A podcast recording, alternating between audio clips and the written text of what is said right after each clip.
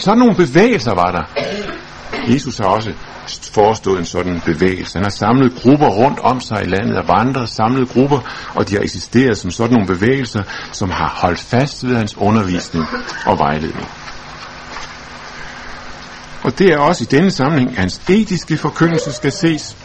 Hele spørgsmålet om, hvordan man skal leve i forhold til andre og til Gud, hvad den sande retfærdighed består i, synet på og forholdet til tollere og syndere og samaritaner, skal i en eller anden forstand ses i sammenhæng med den intense kamp, man i samtiden har været i synet på, hvad Guds folk egentlig er. I samtiden med den trussel om en hellenistisk opslutning af landet, har der været andre grupperinger, som har været intenst optaget af, hvad det vil sige at være Guds folk. Farisæerne gav deres bud på det, essenerne gav deres bud på det, og deres bud var som regel en adskillelse. Det var en videreførelse af makabærernes adskillelse af stempling af dem, der var udenfor, og en meget stærk markering af, hvordan grænserne gik.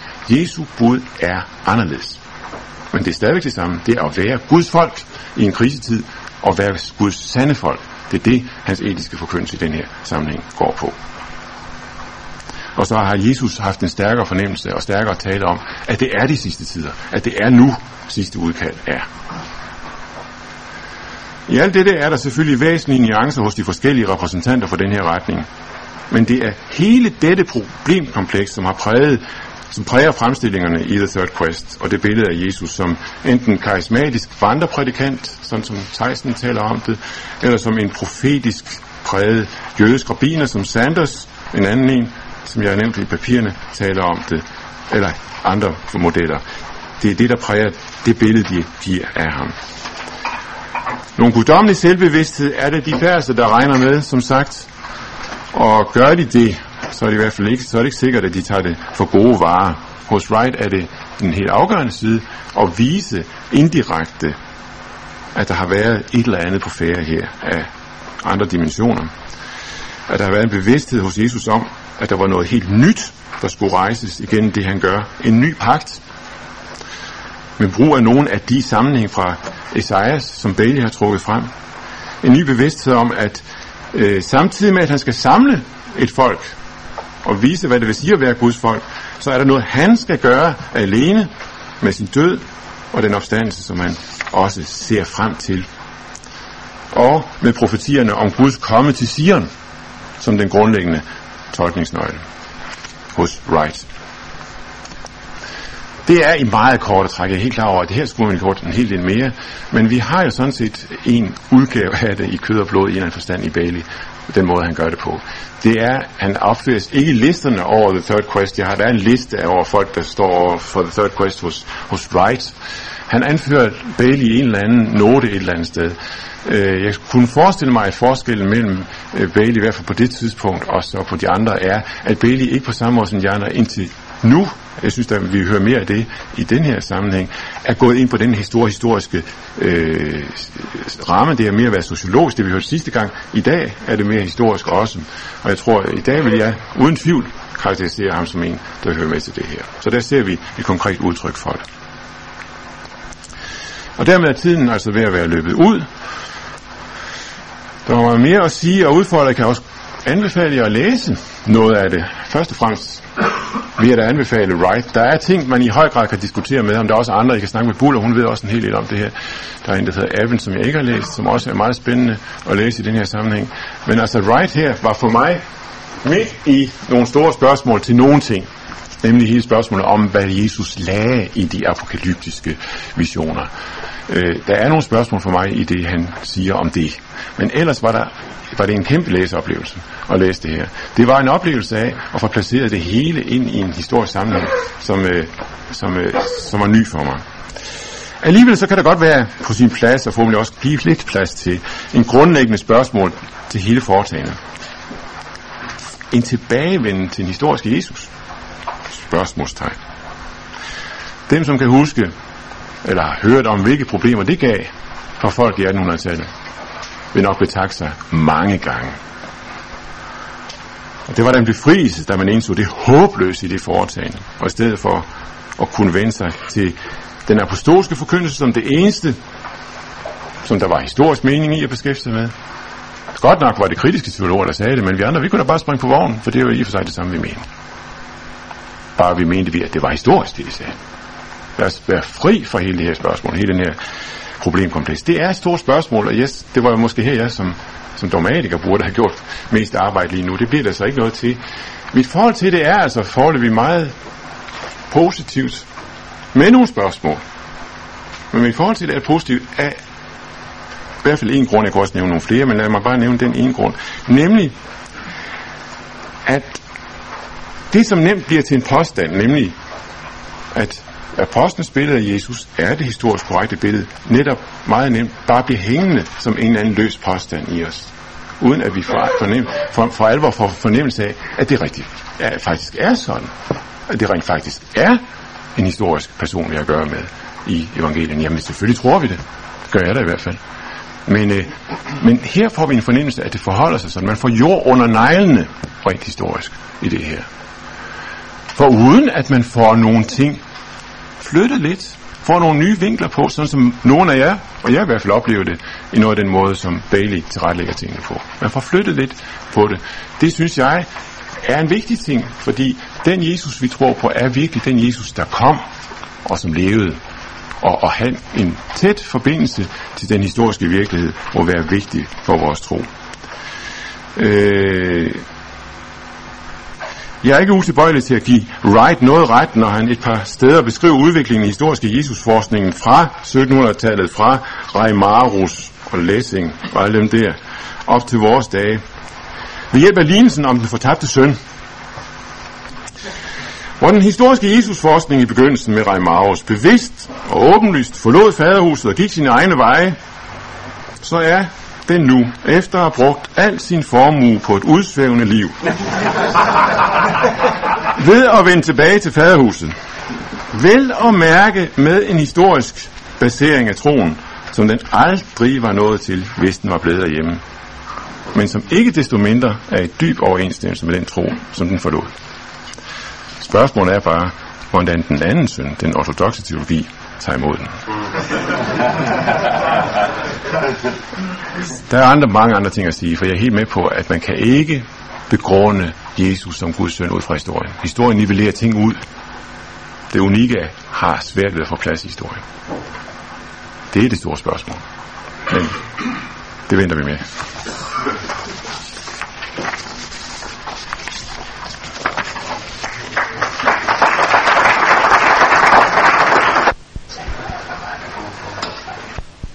Ja, hvem skal være den første? Dernede. Claus. Så, øh,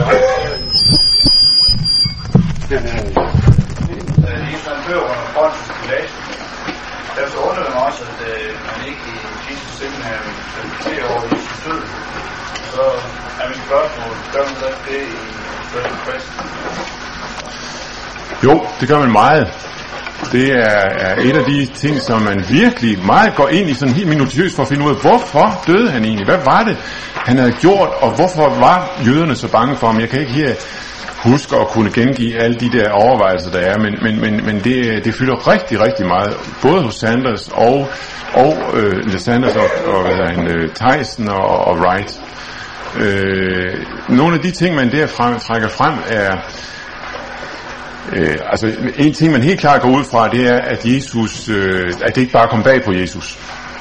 Øh, det er, det er billedet hos nogen af, af dem fra The Second Quest, jeg har ikke stødt så meget, jeg har ikke læst så meget af dem, men altså jeg har stødt på det hos en, der bruger den meget, nemlig Panberg, som jo på en eller anden måde går ud fra, at Jesu død kommer lidt bag på ham, men når den så kommer, så tager han så det med, så at sige, går ind i den. Øh, men øh, men øh, hos de her third quest, der, der kan det kan veksle lidt med hensyn til, hvornår man den bevidsthed kommer, men på et, øh, for, for, for, for, nogens vedkommende, måske helt fra begyndelsen, for andres, Wright har en vis polemik mod at sige, at det var bare for at dø, at Jesus kom. Altså hvorfor skulle det gå så lang tid? Han ville gerne have vidt perspektivet ud. Der er sagt, der er noget andet. Men han får så integreret dette, at Jesus samtidig var klar over, at han skulle dø og hvorfor han skulle det, ind i en større og bredere måde at forstå tingene på. Og, og, og der spiller for, der, noget, der spiller tydeligvis en stor rolle i, i øh, uh, tegningen af Jesus billede, det er, hvorfor, hvad, hvordan skal man forstå tempelrensningen? Tempelrensningen får en vældig betydning. Øh, de forstår det meget i forlængelse af det, vi har hørt hos Bailey eller for, som parallel til det, vi har hørt af Spali. Ikke som en renselseshandling. Det gør Sanders, som er den, der fortår det inden for en jødisk kontekst. Ikke som en renselseshandling, men som en profetisk tegnhandling om den kommende ødelæggelse. Og som en antydning af, at det er ikke templet, der er deres håb, men det er ham selv. Og det kombinerede ser ødelæggelsen af templet og indstiftelsen af nadveren, som nu opererer med som en helt klar historisk ting, som to afgørende hjørnesten, som skal vise, hvad det her drejer sig om. Det er én ting, der falder, og noget andet parallelt, der opstår i hans død. Ja, så har Bent Christensen bedt om ordet. Jeg tænker på, hvor stor plads har de to øh, retninger, altså Search Quest og Jesus Seminar, i forhold til hinanden, altså hvor, hvilken dominans har de i forskningen af det. Den ene er Search Quest meget større gruppe af mennesker, og præger de forskning meget mere end Jesus Seminar. Og så har de et andet del til, ikke med, øh, den retning, som Ole Davidsen jo står for, øh, som, jeg ved ikke, det ligner måske mest Jesus seminariet, men, men den er alligevel lidt anderledes end det, hvor han slet ikke regner med en historisk Jesus, men sådan en narrativ. Hvordan står den i forskningen? Altså, nu er jeg ikke nytestamenter, nu kommer det der. Ja. så altså, der har jeg simpelthen, øh, det har jeg ikke overblik til at kunne sige. Øh, og det bliver kun fornemmelser. Men, øh, men jeg har, der er en liste af Jesus, når du er Third Quest repræsentanter af den her øh, ægte slags, han har sagt, hos Wright. Og det er en liste, som omfatter mange folk, jeg kender på forhånd, og det er de store navne. For, for mig virker det som om, det er der hovedfærdselsåren på en eller anden måde går. Øh, men det kan godt være, det er ønsketænkning fra min side. Jeg ved det. Ja. Og med hensyn til det andet, jamen jeg har ikke læst Davidsen nok, og jeg har også spurgt mig selv, hvad, hvad det egentlig er for noget det her. Det er en litterær læsning, ikke også? Og hvordan forholder det sig med den lidt... Og samtidig er det jo en historisk læsning, i og med at man går ind og spørger, hvor kommer det fra, og man undersøger. Men det er jo først og fremmest en litterær læsning. Hvad, hvad, hvordan står han i forhold til det her? Jeg ved, at han er optaget af det. Jeg har hørt en bemærkning fra ham, hvor han siger, at det er helt utroligt, at vi ikke er gået ind i det her spørgsmål herhjemme, og det fylder så lidt, så han er optaget af spørgsmålet. Men jeg ved ikke, hvor... Jeg kan ikke regne ud fra det, jeg læser, øh, der, hvor han eventuelt skulle stille sig her. Jeg tvivler på, at han er disse seminarmand. Øh, og det må så også sige, at det han gør her, det er en litterær læsning af de tidligste kapitler. Og der kunne jeg godt forestille mig, at der var andre third quest, der ville have nøjagtigt det samme syn på de ting, som han har. Ja. For at nogen ikke skulle blive for glædelig overrasket over det hele. ja. Så er det Leif Christiansens tur. Jo, tak, velkommen til. Ja, altså ude i sovene, der vil de jo gerne have, det bruge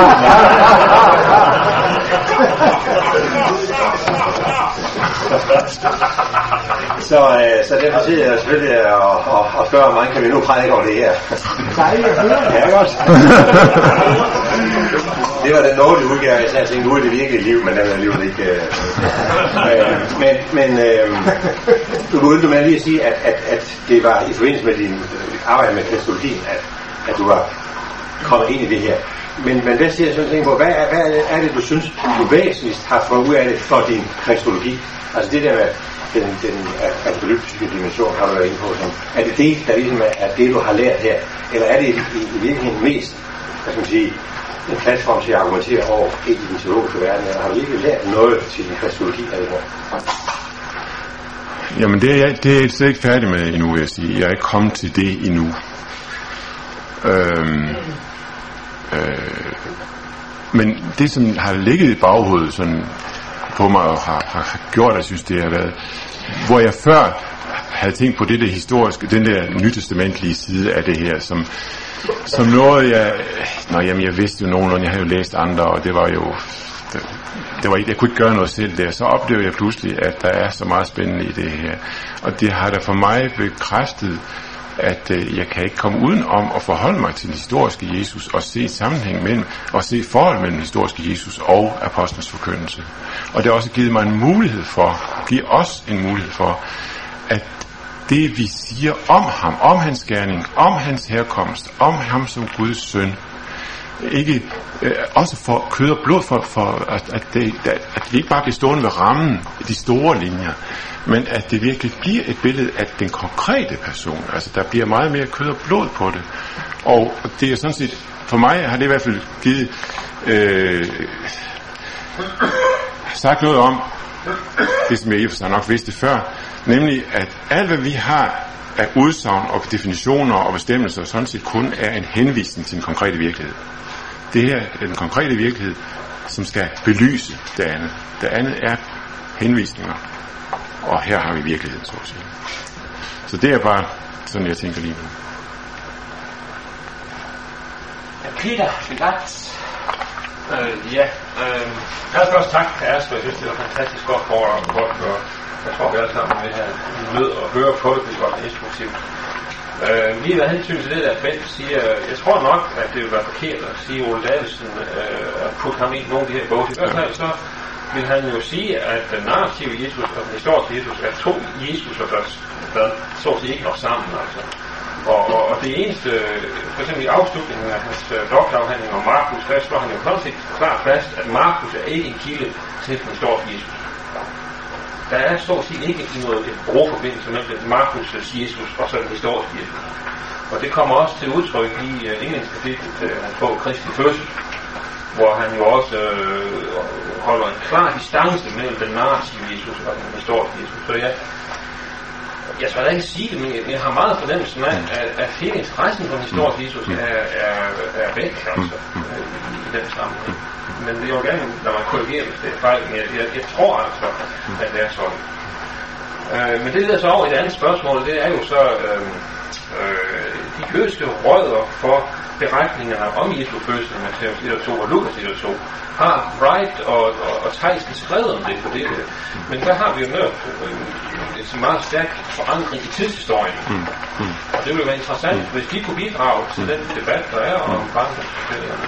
Jeg har ikke læst uh, Wrights bog om mm. Victory God, men har han været inde på det? Ja, det er han. Ja. Tyson øh, kan jeg ikke lige huske, men det er i hvert fald ikke noget, han gør noget ud af. Det er i hvert fald ikke noget, han regner med som historisk. Det, det kan jeg nok gå ud fra som en given ting. Men, men Wright, han, gør, han kommer ind på det. Og øh, argumenterer også for, at de er autentiske på en eller anden måde. Det gør han.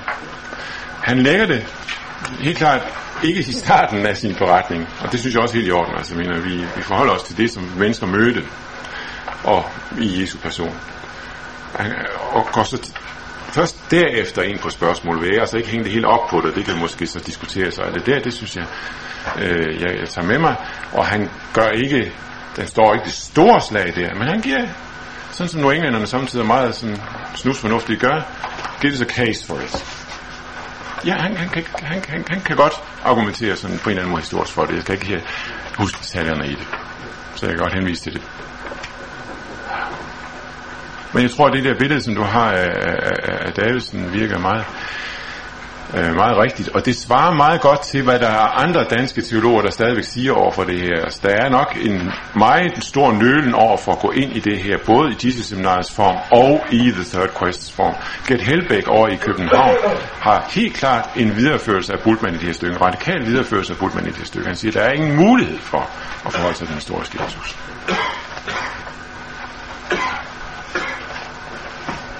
Så er det Flemming Botzes tur. Ja, du lige skal stille til Bailey måske, men jeg spørger dig, Asger. Også fordi der er noget med det her at gøre. Altså, Bailey var inde på, så vidt jeg forstod ham i formiddag, det her med øh, den der katastrofestemning, Jesus øh, beskriver over for mm. jøderne, og han siger, at Shekina er ikke i templet, mm. det er i mig, og hvis I vælger det i mig, eller tager imod det i mig, så undgår I katastrofen. Mm. Så forstod jeg ham. Ja. Hvordan når det sammen med det billede, vi, går har Jesus, at han vidste, at han skulle dø, og han ville dø, og han havde også en bestemt mening med sin død. Ikke? Altså, øh, øh, øh, ja, jeg forstår du, hvad jeg mener? Ja, forstår du. Jamen det her også, jeg har... Men det er, ja. Jævnfør det, du selv omtalte ja. hos Wright, ja, ja. der ikke var med på, at man kun ja. kørte den igen. Jesus kom til jorden for at Ja. dø, men der var flere, der var flere ting, han skulle. Ja. sige. Ja. Jamen, det er jo det er jo et helt oplagt spørgsmål. Betyder det, at Jesus på en eller anden måde opererede med, at tingene kunne have endt anderledes? Øh, det, det er et helt oplagt spørgsmål at sætte til, til det der, at stille til den der måde at, at se tingene på.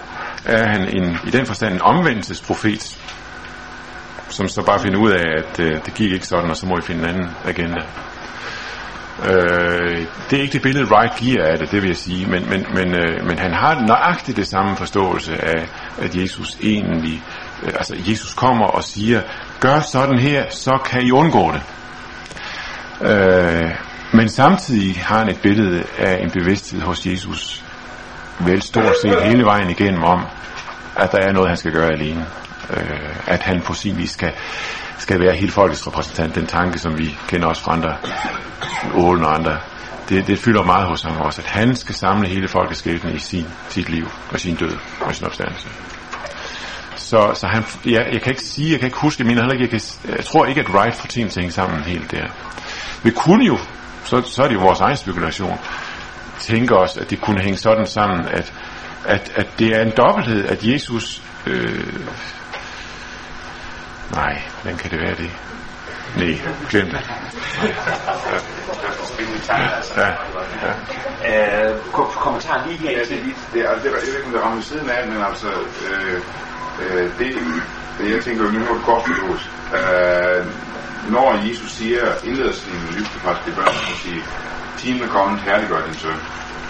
Så er det fordi, det er nu, Shekina øh, øh, bliver altså kun mad, om så må sige, ja.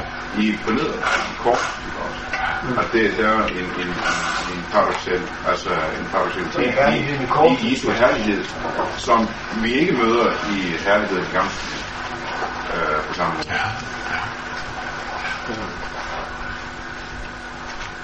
Godt, skal vi forlade de korte replikker, og så lige vende tilbage til øhm, øh, listen. Det var det. Øh, ja.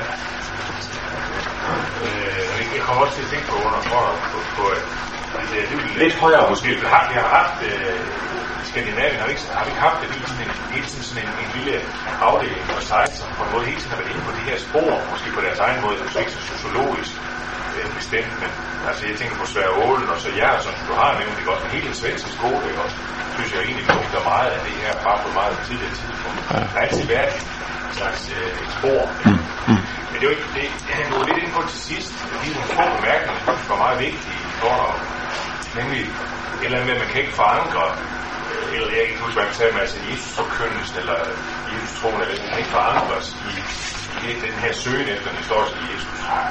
Øh, jeg tænker også på, jeg tænker lige på øh, undervejs, øh, når man har når man stillet det her kriterium op, differencekriteriet og det andet kriterium også, begge, begge der på en måde skal, skal øh, hjælpe os til at finde Jesu autentiske ord, og det hele, hele taget, hvis også Jesus.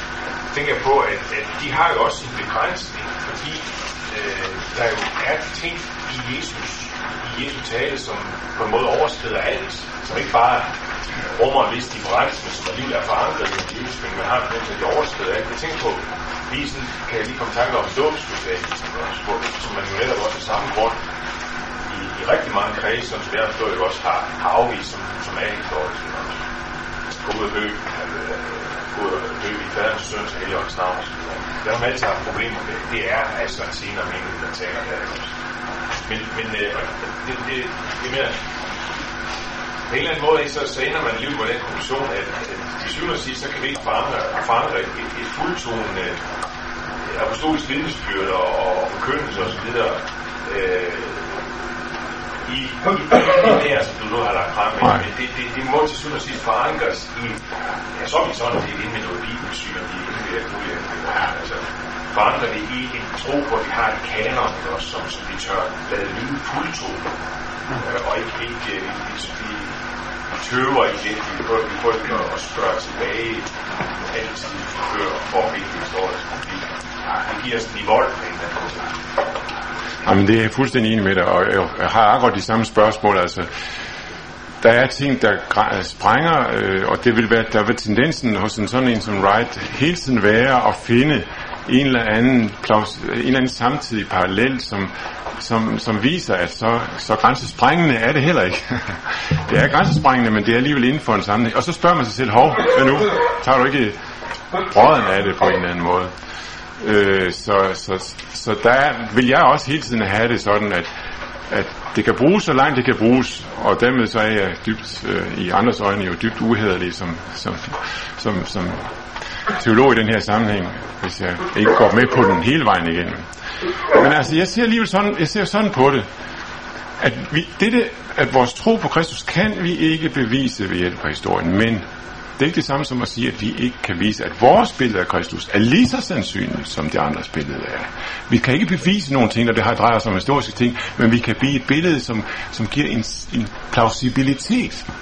I, I det der projekt med at vise, ikke nødvendigvis ved at vi, slet ikke ved, at vi skal lade os begrænse at det, der så bliver destillatet af det her, men med at vise, hvor meget det passer sammen og, og for historisk øh, kød og blod, så er vi med til at fastholde. Det er sådan set en del af, af det proces, som du selv har arbejdet med, med apologetik og den slags ting. Vi kan ikke bevise noget, men vi kan skyde nogle af modpartens øh, helt vanvittige forståelser ned, og vi kan give en sandsynlighed, men troens virkelighed kan kun åbnes for den, der tager skridtet i tro. Og, og så er der den næste, det er Boje Skødt. Øh, altså, til Flemming vil jeg gerne sige, at det var en skam, du ikke stillede begge det spørgsmål. Det er faktisk det, jeg prøvede at stille ham, uden at synes, jeg fik svar på det. Så jeg bare opholde til at stille det igen. Jeg prøver. Og, og hvad hedder det, så sidder med en artikel af Bailey om Lukas 2, faktisk, som er udkommet i 79 eller sådan noget. Jeg ved ikke, hvor meget Peter den tager de spørgsmål op, men han har faktisk været inde omkring. Det kan også ske, det er mere sociologisk kulturelt, at han går ind på det. Han har faktisk været inde omkring det. Kan jeg sige. Og så når vi er sådan en reklamere for artikler og sådan noget, så synes jeg, at øh, I skulle tage og besøge øh, biblioteket op, for der står sådan en sidste, hvad hedder det nu? Det hedder, det hedder. Nå ja, Myskan. øh, og det sidste issue af Myskan, det er faktisk et Jesus issue, hvor for eksempel Sarah Josephus og Jesus er der en af artiklerne, som tager op. Øh, The Jewish Reclamation og Heimboling om Jesus er en anden, som tager op. Og Flemming han sidder deroppe, han, han, han kan bare henvende til ham, hvis I gerne vil have en situation Myskan. Ikke ham. Det var reklame, tak. Det er rigtigt, Flemming. Og så er Det der kun... historisk. Vil du have en replik? Ja, det er. Det er lærmer bare. Ja. Du lader du bare, ja. Øh, men øh, det går derimod, Jens Jensen ikke. Han har et spørgsmål. Øhm, Jeg vil lige spørge mig, hvilken rolle spiller en traditionshistoriske forskning hos Theisen og Reich? Øh, du nævner i så Christian-gruppen, der hører også uh, Bjørn Gerhardsen og, og Riesenstens. Men, men jeg fornemmer lidt hos Theisen og også Reich, at det er sociologien, som er, er fremtrædende. Men, men uh, er der også en uh, traditionshistorisk forskning, som de, de arbejder med? Øh, altså, jeg har sådan... Øh, jeg hører ikke på den måde til Third Quest, skal lige siges. Øh, selvom der er, er nogle ligheder, jeg skal ikke her jeg skal ikke gøre, gøre mig klog på præcis, hvor i forskellen er, men det, det hører han ikke med til på den måde. Men han er helt klart en af dem, de forløber i en eller anden forstand, som man bygger videre på i The Third Quest. Øh, Jamen, øh, Theisen har ikke forladt den formhistoriske metode, og dermed heller ikke den redaktionshistoriske metode, som jo bare er en slags... Altså, i stedet for at se på den første menighed, som enkelt grupperinger ser man i redaktionshistorien på, den, på, på evangelisterne og på, på, på, på deres aktivitet. Det er jo sådan set også en fokusering på dem, der formede det i en eller anden forstand. Og han har ikke forladt hele det der, øh, uden at jeg kan øh, sådan lige på stus sige, hvor meget han gør ud af det. Men, men det, som er hans interesse i den bog, det er på en eller anden måde, at øh, ja, han, han, han tager både formhistoriske ting ind, redaktionshistoriske ind, og så det nye med, med, med det sociologiske aspekt ind. Og så i det billede, som jeg husker, som han giver i det historiske Jesus, øh, der er det så det historiske resultat af alt det, han trækker frem. Så, så man arbejder gennemgående ikke helt så meget, eller slet ikke så meget, med de der gamle formhistoriske og redaktionshistoriske metoder i den her skole. Det, traditionshistorisk metode. Jamen, hvad mener du så med øh, traditionshistorisk metode? Det er det, der spurgte jeg. Ja, det var det, du spurgte efter. Ja. Det er jo det, Riesenfeldt og nogle andre, der de mener også, at man kan fastholde, øh, hvad hedder det, det er det, øh, altså man kan fastholde, øh, hvad hedder det, ja, autentiteten i det vil sige, at det har været nogle bestemte overleveringsmetoder, ikke også? Ja. Så vil man have givet det videre, ikke Ja, også? ja. Ja. Ja. Der står man, øh, så vidt jeg, jeg, kan huske, så står man altså nok mere i forlængelse, man står nok tættere på sådan en som Bailey, som jo ikke er en traditionshistorisk metode i den der gærsonske forstand, men en mere løs traditionshistorisk metode. Men man gør ikke, man gør ikke det, som Jerson gør det, at man underbygger det ved, ved, ved, ved, ved paralleller og den slags ting der. Det, som er forskel på Jerson og Bailey, det er, at Jerson taler om en, en kontrolleret hvad har han kaldt for, formål, en kontrolleret øh, officiel videreførelse af tradition ved hjælp af disciple. Det er fra disciple til disciple til disciple. Hvor det i, i Baileys udgave er den uformelle, ukontrollerede, men meget fastholdte tradition, nemlig i kraft af et fællesskab, der hører den samme historie igen og igen af den kontrollerende instans i det også. Så det er en, Bailey er en slags kombination af formhistorisk, for en formhistorisk udgangspunkt med traditionshistorisk øh, måde at tænke på, hvis man kan sige på den måde. Og, og der fornemmer jeg, at, øh, at den der svenske skole måske ikke har slået vældig meget ind. Øh, selv ikke hos, altså der er jo en tysker, Riesner, som har gjort meget ud af den. Virker for mig at se ikke som om den spiller den helt store rolle. Godt, men øh, vi er ved at være så langt fremme nu, så tiden er gået, og der er heller ikke flere på min liste. Øh, jeg kan lige nævne til sidst, vi har snakket lidt om Bailey, og det er naturligt nok. Øh, jeg har sådan set forberedt ham lidt på, at øh, vi har et øh, diert værk, som har været inde på fødselsberetningerne. Og øh, det har været ret spændende at, sådan at høre ham forklare, at øh, I skal bare prøve på at læse nogle af de her apokalyptiske øh, evangelier, så får man simpelthen de værste armestue-historier. Altså på det tidspunkt, hvor traditionen er ude af kontrol, altså, så bliver det altså øh, øh, øh, øh, Maria som, som, som evig jomfru og en hel masse andre ting. Og traditionen går fuldstændig øh, græsal altså i de sammenhænge. Den anden ting, han har nævnt, det er også... Hvad? Højgaard og evig jomfru. Nå ja, men altså, nu, det er på den... Ja. Men øh, okay, vi kan få ham til at, at, at ud, uddybe det så. Altså. Men øh, i hvert fald den anden side af det, det er så også, at, at øh, det han taler meget om, det, det, det han også har talt om, det har været det, at, at vi har tydeligvis eksempler på øhm, kristne, som, eller folk, som har forladt troen i Jesus seminaret. Øhm, og det er han sådan, jeg ved ikke, hvor, hvor tydeligt han vil sige sådan nogle ting, men han har også nogle ting at fortælle om det. Nu vel, de her foredrag har været rigtig spændende. Den bedste måde at sige tak til dig på, det er egentlig ved lige at lade en bemærkning, som jeg hørte i pausen, sådan klinge. Uh, der var en, der sådan rent spontant sagde til mig, at uh, det er så dejligt. Og det her foredrag, det, det hænger også sammen med uh, alt det, vi har hørt sådan om korset og fortællingen. Uh, og det skulle du have tak for, at uh, du har været god til at og, og ligesom være en rigtig god og spændende ny røst i det her kor, som vi har haft. Øh, og det er lidt spændende også at høre sådan en, øh, en rigtig dogmatiker sådan gå ned og, og anvende de her ting og tale for øh, den historiske øh, fundering af kristologien. Lidt spændende, sådan en som Bailey er jo i gang med i de her år at udarbejde, hvad han kalder for en hermeneutisk kristologi, altså en ny måde at udtrykke kristologien på. Så der har vi altså øh, en Bailey, der startede som rigtig systematiker, og så går han hen og bliver øh, nytestamentler, og nu er han så tilbage og sådan ligesom at give et øh, bidrag ind i systematikken. Så har vi så dogmatikeren, der kommer ned i, øh, i nytestamenteforskningen, Jesusforskningen og, og, og bruger den og sådan, og det er rigtig spændende, og at vi kan samle de forskellige tråde i vores kursus her. Øh, så tak for det bidrag også ind i den sammenhæng, Asger. Øh, det kan godt være, at jeg har trukket øh, øh billedet af det, det her Jesus seminar lidt stærkere op, end, øh, end det øh, er i virkeligheden. Jeg har ikke læst, læst alt, hvad de forskellige folk står for. Jeg har først og fremmest læst Crossan, og så har jeg læst, hvad andre skriver om dem. Så, øh, så det kan godt være, at der er flere nuancer i det her. Der er blandt andet en af dem, som øh, befinder sig i en meget intens diskussion med Wright og, og som viser, at han jo nok alligevel på nogle områder øh, tænker lidt mere som Wright. Så der findes altså nok et vist spekter. Men Cross han er den, ikke nødvendigvis den radikalste, det tror jeg ikke han er, men helt klart den mest øh, kendte af disse seminarfolkets repræsentanter, og det er først og fremmest hans billede, jeg har formidlet her. Hvem er den positive, du taler om nu? Øh, han hedder... Ja, det kan jeg finde ovenpå Mac, men jeg tror ikke, det er ham for øvrigt, men altså, ja, skal jeg lige finde. Øh, vi skal se på nærmere på The Third Quest, altså dem, som ikke repræsenteres af det her Jesus-seminar.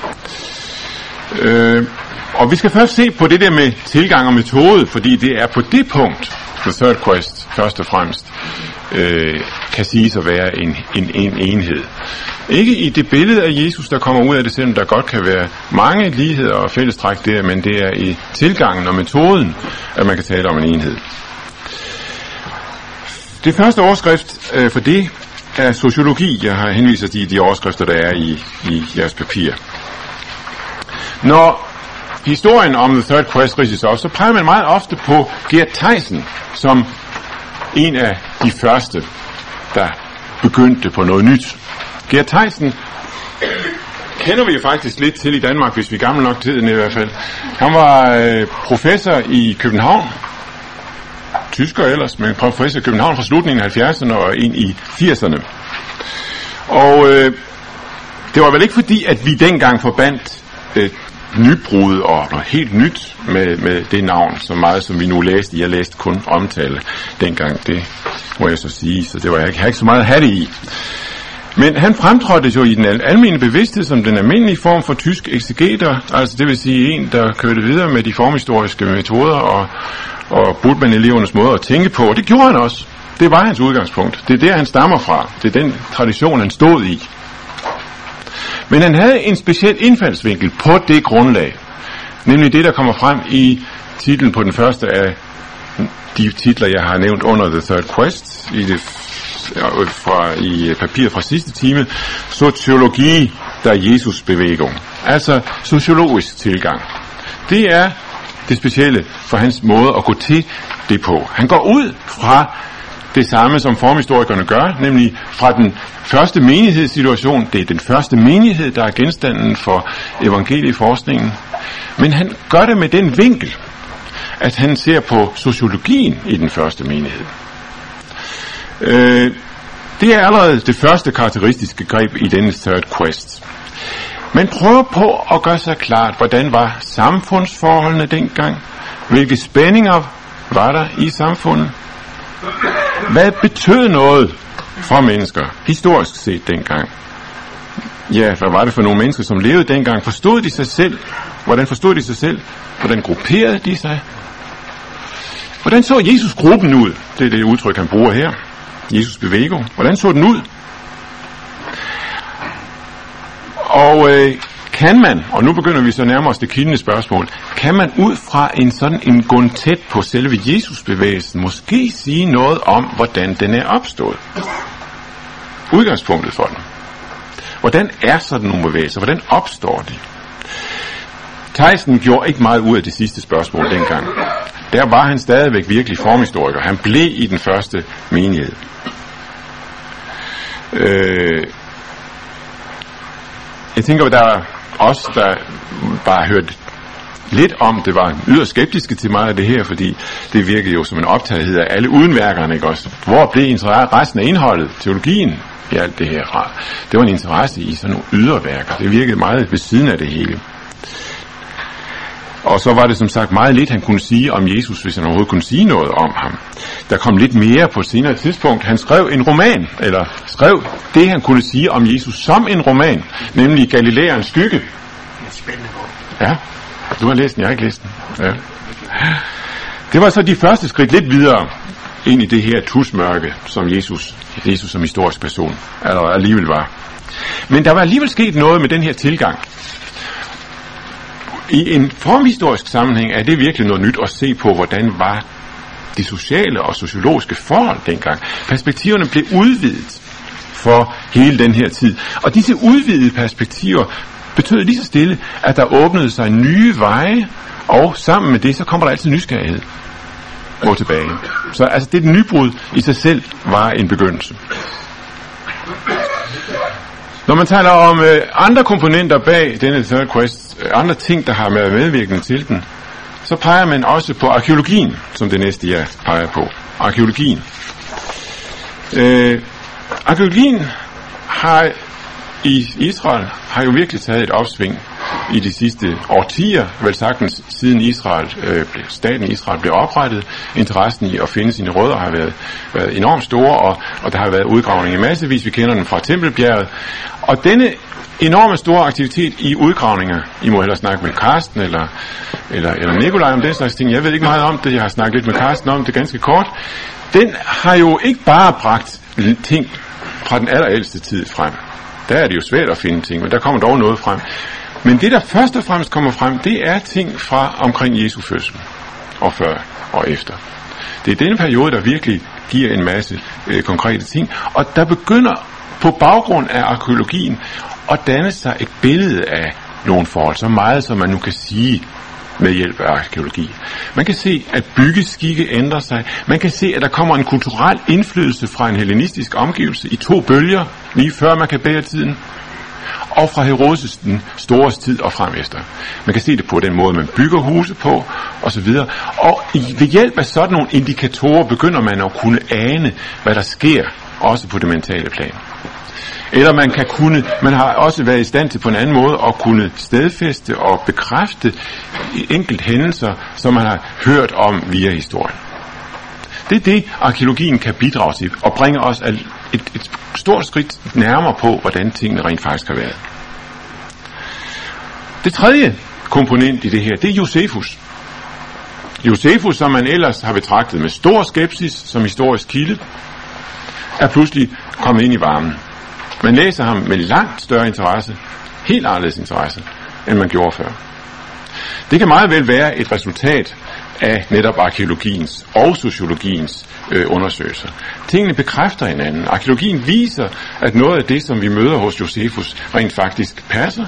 Og den der øh, at bekræftelse fører jo måske med sig, jeg snakker som en, der gætter mig frem, fører måske med sig, at man så begynder at læse Josefus med nye øjne, og så kan man så gå tilbage til arkeologien og få tingene med kraft, og der sker en akkumulation af viden og fornemmelse af, hvordan tingene var dengang. Det er sådan, jeg forestiller mig det i hvert fald. Der må I så også spørge andre folk, at tingene er foregået.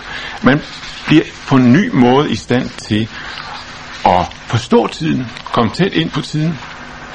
Og med tiden, der tænker jeg her først og fremmest på tiden fra Herodes den store og op til den store katastrofe med romernes indtagelse af Jerusalem.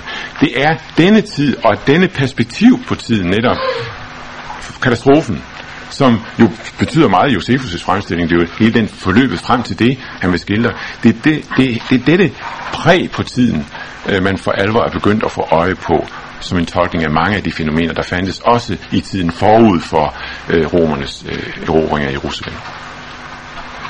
Josefus, det var altså endnu en komponent det næste, som jeg har anført som typisk metodemæssigt for hele den her bevægelse, det er forståelsen af evangelieteksterne, eller skråstreg, en distance til formhistorien. Øh, man begynder at læse evangelierne ikke som et vidnesbyrd om den første menighed, først og fremmest, men som et vidnesbyrd om tiden forud for den første menighed, som et vidnesbyrd for tiden på Jesu egen tid. Man læser den ind i tiden op til Jesu død. Ordet opstandelse bruger de third quest folk stadigvæk ikke ret meget. Wright gør det, men de andre gør det ikke så meget. Øh, det er ikke fordi, de har fået noget som helst syn for Bibelen som hellig skrift eller inspireret skrift, og i den forstand er blevet konservative i deres syn på skriften. Wright er det, uden tvivl. Men det er ikke noget, han opererer meget med i sin argumentation. Tyson og Sanders er det bestemt ikke. Og det samme gælder en lang række af de andre repræsentanter for den her retning. Der er jo mange af dem, der er jøder. Det er jo et interessant træk ved den her third quest. Mange af dem er jøder.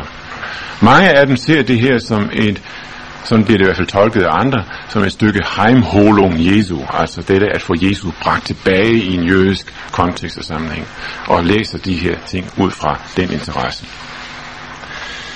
Men det er som om den stærkt voksne, voksne kendskab til tiden omkring Jesu fremtræden og liv på jorden, øh, hele den her øgede interesse og viden om den her tid, har gjort, at man nu også kan læse teksterne ind i den her tid.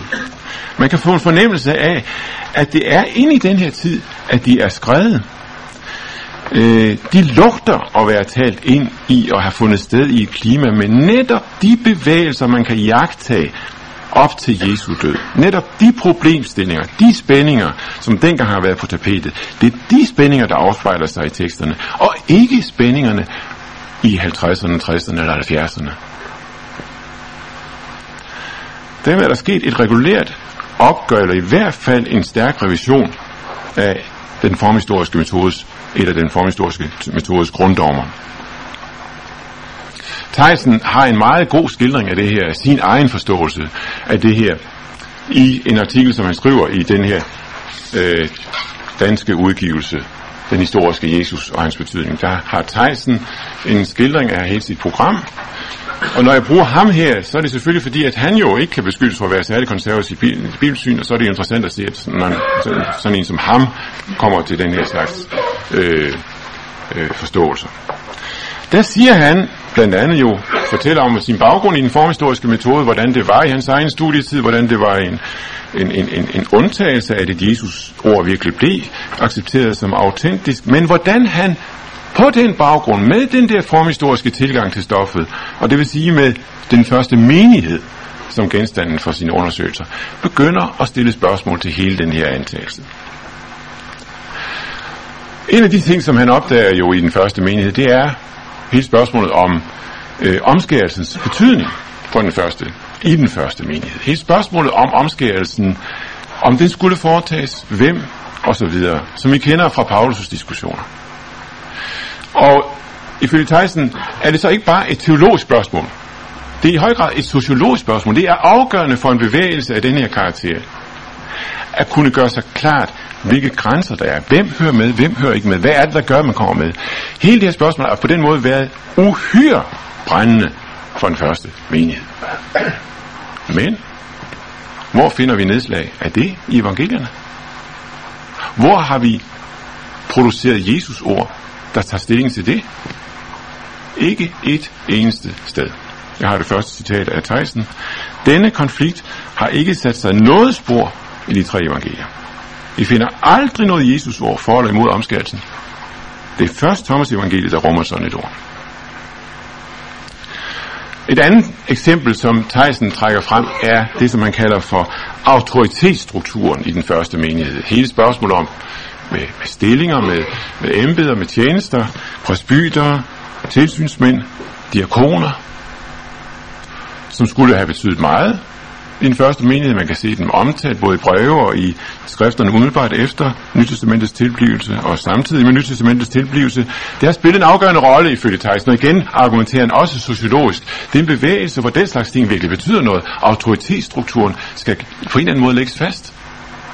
Men igen ser vi, at det ikke er bakket op er vældig mange Jesusord. Jeg er Theisen, som nok er mere lavkirkelig end jeg, siger ingen Jesusord.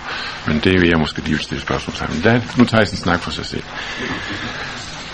Øh, og han siger så konkluderende i det andet citat, kan prægningen af overlevering ud fra deres sits im leben virkelig have været så omfattende som antaget, når ikke engang de grundlæggende sociale vilkår har påvirket dem.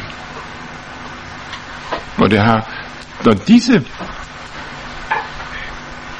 helt afgørende ting i den første menighed, som kan påviseligt sige at være afgørende, ikke har fået nedslag i evangelieteksterne, hvad som alt andet. Hvis evangelierne først og fremmest er produkter eller tilretninger af Jesus ord, ud fra den første kirkes aktuelle situation, hvorfor har man ikke nedslag af det på områder, som påviseligt spillede en altafgørende rolle i den første kirke? Betyder det ikke, at teksterne og deres tilblivelse må forstås på en helt anden måde rent historisk? Tyson siger lidt mere sammenfattende et sted, det er den tredje eksempel her, jo mere konkret billede af denne, det vil sige evangeliernes omverden, bliver, desto klarere bliver det, at Jesus overleveringen passer fortræffeligt ind i den palæstinensiske kontekst, netop i første århundredes første halvdel. Jesus forstås i historisk henseende meget bedre som et produkt af jødisk historie, end af den urkristne forestillingsevne. Her er der så mange, der kommer med den indvending, jamen det er umuligt at gå bruge evangelierne som historiske dokumenter, for de er jo så forskellige, de modsiger hinanden, der er så mange varianter osv. Vi må nøjes med den formhistoriske og reduktionelle tilblivelse, som det eneste, vi kan gøre noget med rent historisk. Til det siger Theisen, og jeg tager det næste citat. Forskellige kilder er for den historiske forskning en chance. Frem for alt, hvis de rummer tilstrækkeligt med modsigelser til at sikre deres indbyrdes uafhængighed, men, ikke, men også tilstrækkeligt med overensstemmelse til, at de kan tolkes som omhandlende det samme virkelighed og de samme begivenheder. Jo større overleverings- og Jesusbilledets mangfoldighed er, desto større vægt har overensstemmelsen imellem dem, det såkaldte tværsnitsbevis.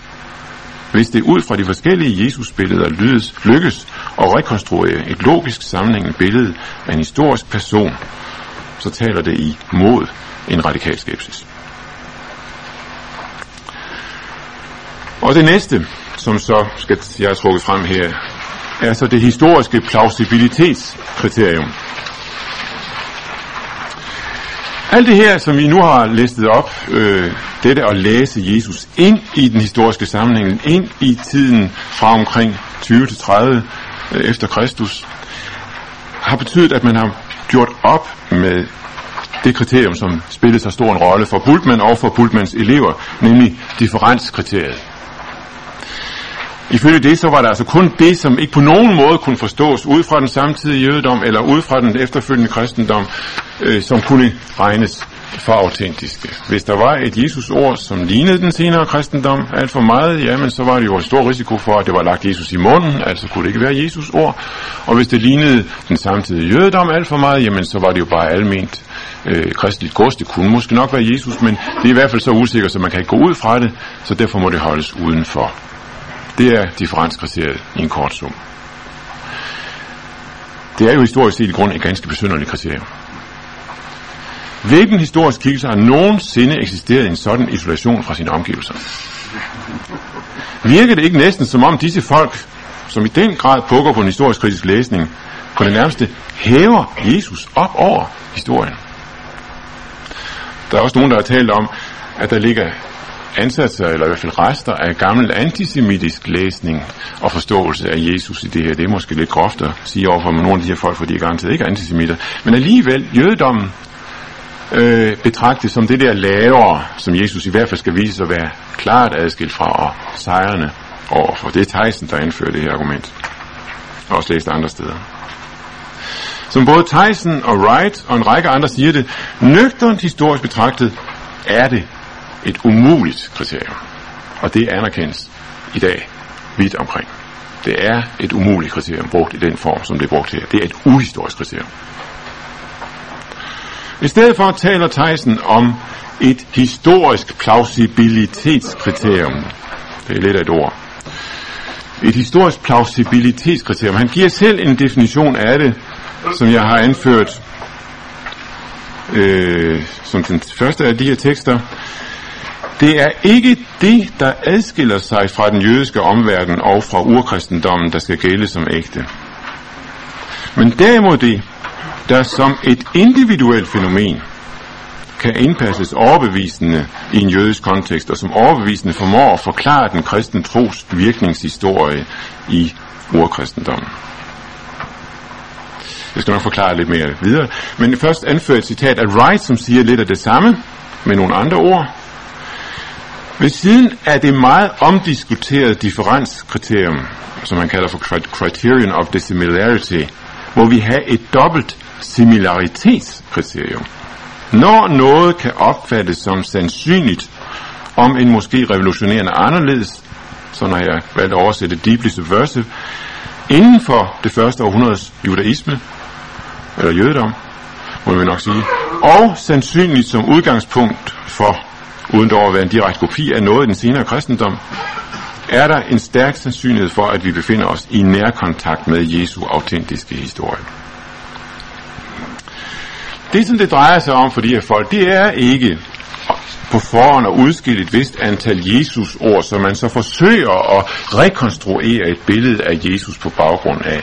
Det er jo et yderst hypotetisk foretagende, og det er jo i sig selv præget af et bestemt billede, for den, hvordan når man frem til en uddistillering af de her Jesus-ord? Ja, det er jo ud fra en bestemt forståelse af, hvad kristendommen er, og en bestemt forståelse af, hvad jødommen er, inden man går til selve kilderne. Det er spekulation. Man må simpelthen forsøge på en åben og uhildet måde at danne sig et billede af, hvordan tiden og dens tankesæt så ud, og så se, hvordan ordene og beretningerne i evangelierne passer ind i denne sammenhæng. Det er tilgang. Danne sig et billede af historien, så omfattende som overhovedet muligt, og så forsøge at se, hvordan passer evangeliernes Jesus ord beretninger ind i det her. Det er altså ikke de såkaldte Jesus, sikre Jesus ord, men det er den detaljerede historiske ramme, som bliver det afgørende redskab, når det drejer sig om at afgøre, hvorvidt en tekst eller en beretning kan være autentisk. Derfor ser vi også, hvordan de her folk, Wright og Tyson, begynder med at tegne et ret bredt historisk billede af, hvordan tingene var dengang, som baggrund for det, de senere når frem til. Og her skal man ikke først og fremmest fokusere på differens, man skal både se på differens og lighed. Det kan være rigtigt nok, at man historisk set kan blive skeptisk med hensyn til et ords ægthed, hvis det i hele sin formulering nærmest bare er en kopi af, hvad apostler og andre senere forfattere i kirken siger, uden at dets ægthed af den grund dog på forhånd skal afskrives. Men når vi står over for ord, hvor der er små bemærkelsesværdige variationer, en lidt anderledes udtryksmåde, ting der måske svarer godt til noget af det, som man senere siger, ligner, ja, men der er små variationer, når man står over for sådan nogle ord, så er der grund til at spidse ører som historiker. For hvorfor er der så forskel? For der er den lighed, kender fra den senere kirke.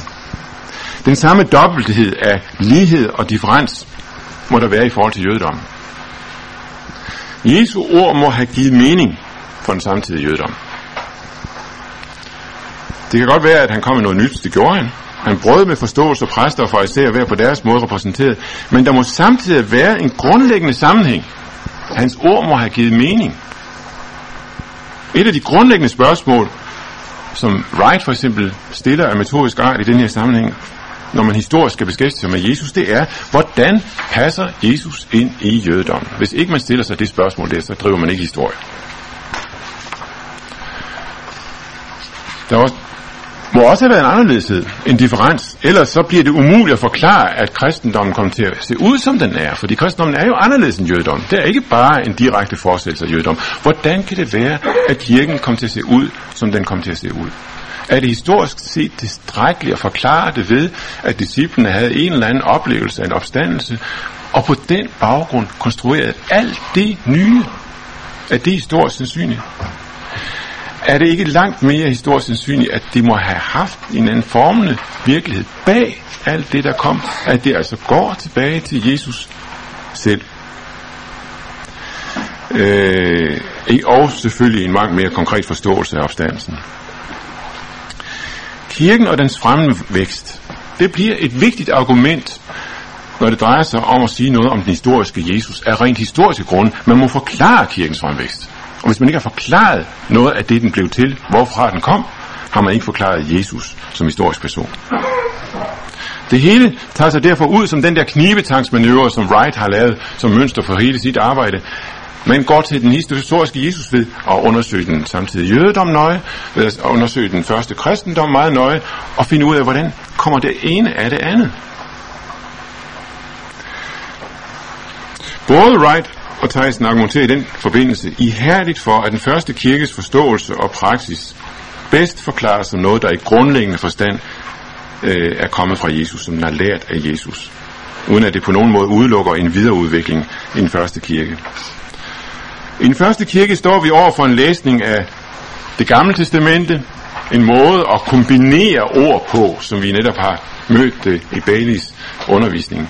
En måde at kombinere ord på, som øh, er meget skabsindig, meget dybborende. Som regel der får man den forklaring på det, at det er noget, der opstod i den første menighed. Og at Paulus selvfølgelig har haft sin andel i det på et lidt senere tidspunkt. Og tanken om, at det skulle gå tilbage til Jesus, forekommer utænkeligt for mange eller for nogen. Men hvorfor skulle det rent historisk være så utænkeligt, at det gik tilbage til Jesus? Hvorfor skulle det være utænkeligt, at en skikkelse som Jesus skulle kunne tænke tanker, som man uden problemer kan tilskrive Jesu egen disciple? Eller Qumran-skriftens forfattere, skrifternes forfattere, eller Josefus? Fordi vi finder noget af det samme hos dem på en anden måde. Men kombinationen og evnen til at kombinere finder vi også hos dem. Hvorfor skulle Jesus ikke også kunne det? Og så har vi jo i det hele taget i Baileys undervisning mødt, mødt netop en stærk argument for, at der er altså en formende kraft bag, en formende mand bag alt det, der finder sted her. En forhåndsboykot af Jesus som den, der har formet det, forekommer yderst uhistorisk. Er det ikke sådan, snarere sådan, at det er en, en bevægelse som den første kirke, er i bevægelsens udgangspunkt, man finder den egentlige formende kraft. Det er i hvert fald resultatet for Theisen af hans sociologiske undersøgelse af den slags bevægelser, at det er i udgangspunktet, den egentlige formning sker, og ikke senere hen. Han siger her i den tredje tekst, profetens individualitet forklarer langt bedre bevægelsens karakter, end bevægelsen forklarer billedet af profeten i overleveringerne. Når det så drejer sig om, hvor autentisk man skal regne med de enkelte beretningers ordlyd er, så er der ganske store forskel mellem en Tyson og en Wright. Tyson bruger udtrykket, at der er tale om en temaernes, de litterære formers og intentioners ægthed. Det er det udtryk, han bruger. Temaernes, de litterære formers og intentioners ægthed. Han taler om ipsissima vox i stedet for ipsissima verba. Ikke absolut de mm, ordene ordret, men det er stemmen, der er ipsissima. Wright er, går helt klart længere i det her stykke. Han bruger faktisk her blandt andet Baileys faktisk sociologiske måde at begrunde det her på. Nemlig, hvordan den slags beretninger videreføres i grupper, i sociologiske grupper og i en mundtlig kultur, som det mellemøstlige fra den tid. Det, som vi hørte meget om sidste gang Bailey var her, hvordan sådan nogle grupper har deres identitet i fortællinger om ham, der startede deres gruppe. Og hvordan det at bevare disse fortællinger spiller en afgørende rolle. Og ud fra den opfattelse mener Wright for eksempel, at forskellige versioner af en og samme undervisning meget vel kan stamme fra forskellige lejligheder. Det er en vandreprædikant, som selvfølgelig, som Jesus, selvfølgelig har gentaget sig selv forskellige gange. Det, som jeg tidligere måske synes var en lidt for fundamentalistisk forklaring, viser sig faktisk at være særdeles plausibel. Det med, har jeg kommet med en indrømmelse.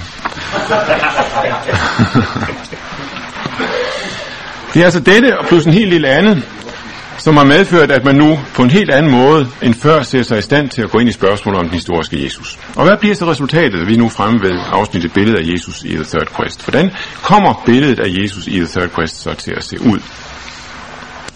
Jeg har jo allerede nævnt Wrights meget omfattende brug af Nytestamentet, og vil også antyde, at det billede, der kommer ud af det, er et billede, som ikke fjerner os fra evangeliernes Jesus, men på en række områder fører til en fordybet forståelse af ham og hans ord. Men det ville være forkert at sige, at det samme gælder alle repræsentanter for The Third Quest.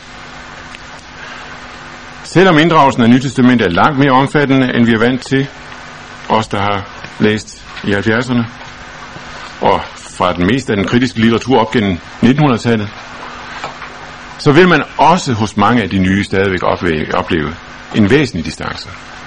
Jeg vil ikke sige, at ved at læse Tyson, så oplever I simpelthen bare at få nye erkendelser og opdagelser. Jeg har brugt Tyson meget her, men hans Jesusbillede er ikke nødvendigvis øh, øh, så vældig brugbart for mig. Der er meget at hente, ja, men det samlede billede, nu har jeg ikke læst Galileans skygge, jeg har kun læst, hvad der sådan står i den der Jesusbog der. Men der er der mange ting i det, som jeg alligevel kan bruge langt hen ad vejen. Så det er, der er store forskelle. Øh, I trosmæssig forstand har de ikke nødvendigvis forladt deres liberale udgangspunkt. Og der er som nævnt også en hel del ikke-jøder iblandt dem. Et klart eksempel på en sådan third quest teolog har vi jo i, i Troels Engberg Pedersen, øh, som bestemt ikke kan sige at være særlig ortodox i sit syn på Jesus. Øh, man kan vel sige, at The Third Quest på mange måder repræsenterer den der tilbagevending en slags tilbagevending til, til beskæftigelsen med den historiske Jesus, øh, før den dialektiske teologi, før Bultmann, før alt det der. I den udgave, som man fandt den hos Albert Schweitzer, han repræsenterer en tilbagevenden til en læsning af Jesus, der virkelig er rådfæstet i en jødisk sammenhæng, med det samme resultat, som det blev for Albert Schweitzer, nemlig at der kom distance. Det er det, det der skete for Troels Engberg. Øh, meget af det, som man siger, kan man i og for sig sige, nej, jamen, der er noget meget rigtigt. Det, det er en apokalyptiker, men for Troels Engberg bliver det en apokalyptiker, som tog fejl. Helt klart. Og derfor så drejer det sig for Troels Engberg om, at vi på vores egne præmisser og med, med, med den frihed, som vi der har som moderne mennesker, skal prøve på at få det ud af det, som vi nu kan få ud af det. Sådan er der sikkert mange andre, der vil sige. Det er metoden, som binder The Third Quest sammen. Mens der, når det gælder det konkrete billede, af mange variationer. Og det er så igen et forhold, som Wright mener at kunne bruge som et godt argument for, at vi her har med en troværdig metode at gøre. Det er, man er ikke ude i et bestemt teologisk ærende. Der er ikke ude i et bestemt teologisk ærende. Der er en ramme, inden for hvilket forskellige opfattelser af Jesus kan snakke sammen. Men denne fælles metode kan alligevel ikke undgå at give nogen fællestræk, når det gælder billedet. Alle læser de som sagt Jesus ind i en jødisk kontekst, ikke ind i en meget almen religiøs eller kulturel kontekst, sådan som tilfældet er for de fleste af Jesus seminarfolkene. Dette med kynikeren er ikke noget, der spiller nogen som helst rolle for de her folk. Øh, et meget langt stykke er de også enige om, hvordan denne jødiske kontekst har set ud.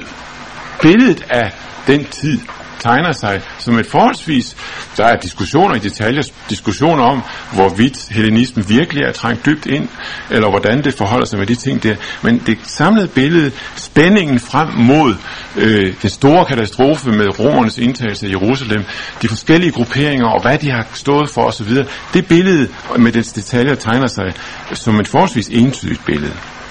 Og de er alle sammen overbevist om, at dette betyder, at den apokalyptiske horisont har spillet en helt afgørende rolle. Det er noget, der netop hører til den slags spændingsfyldte tider, forklarer de så sociologisk og kan forvise paralleller andre steder, at i sådan nogle tider kommer den slags spørgsmål til at blive belyst apokalyptisk. Gud må gribe ind, hvad gør han? Der har været hele denne apokalyptiske atmosfære på tiden. Jesus har altså i en eller anden forstand været apokalyptiker. Det er de alle overbevist om, selvom der er store forskelle i vurderingen af, hvad der ligger i disse apokalyptiske forventninger og forhåbninger og Jesu forhold til dem. Jesus er ikke bare gået rundt og spredt aforismer om livets sande værdier, ægte levevis for til andre mennesker, ejendom og eventuelt Gud. Det hele har stået i de kommende begivenheders tegn. Forkyndelsen af Guds rige, som har været grundtonen i hans forkyndelse, har sigtet til kommende begivenheder – kommende katastrofe, som jeg også mærkede i Baileys øh, sidste time, den politiske horisont, som Bailey trak frem, er en apokalyptisk horisont samtidig. Der er ingen tvivl om, at Bailey vil sige det samme. Samtidig med, at Guds rige også er noget, der manifesterer sig her nu. Det er det specielle hos ham, igennem helbredelse, igennem under og i syndstilgivelse. Derfor vil man ikke finde den der adskillelse mellem Jesus og Johannes Døberen, som var typisk for Jesus seminars folk. Tværtimod vil man se en nær sammenhæng mellem Jesus og Johannes Døberen hos The Third Quest folk. I den forbindelse er der heller ikke i The Third Quest gennemgår nogen problemer man går ud fra, at Jesus har haft en messiansk selvbevidsthed. Den nye læsning af Josefus har vist, jamen den slags folk var der jo dengang. Der var flere skikkelser, som enten om sig selv mente, eller som af andre blev anset for at være Messias. Det ville nærmest, sådan er der nogen, der siger, være historisk ret usandsynligt, hvis Jesus ikke skulle have haft en messiansk selvbevidsthed. Men selvfølgelig, det skal vi så også have med i købet her. Det betyder, at den messianske selvbevidsthed ikke er noget specielt guddommeligt fænomen. Det skal tages med her. Hvis man skal finde frem til en eller anden form for guddommelig selvbevidsthed, så må man grave dybere. Og det er også det Rice prøver på at gøre, som Bailey prøver på at gøre, men som sådan nogen som Tyson nok ikke vil gøre på den måde. Og måske endnu mere beværkelsesværdige ting, i hvert fald både Tyson og Wright regner uden videre med, at Jesus har ville stifte og organisere en bevægelse, altså i en eller anden forstand en kirke det som ellers bliver afvist som helt uhistorisk, går de alle sammen ud fra som en given ting. Jesus har villet en bevægelse. Han har organiseret en bevægelse.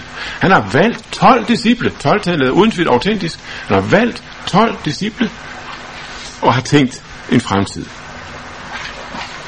Sådan var der jo andre fællesskaber i samtiden. Essenerne var et sådan fællesskab. Farisæerne var et sådan fællesskab. De var ikke vældig store. Josefus taler om, at der var 5.000 farisæer og 6.000 senere. Så de har ikke været store, men ikke desto mindre fylder de rigtig meget, i hvert fald farisæerne. Og ifølge Pixner jo også indirekte. Og I kan bare spørge Wagner, essenerne i hele øh, sammenhængen.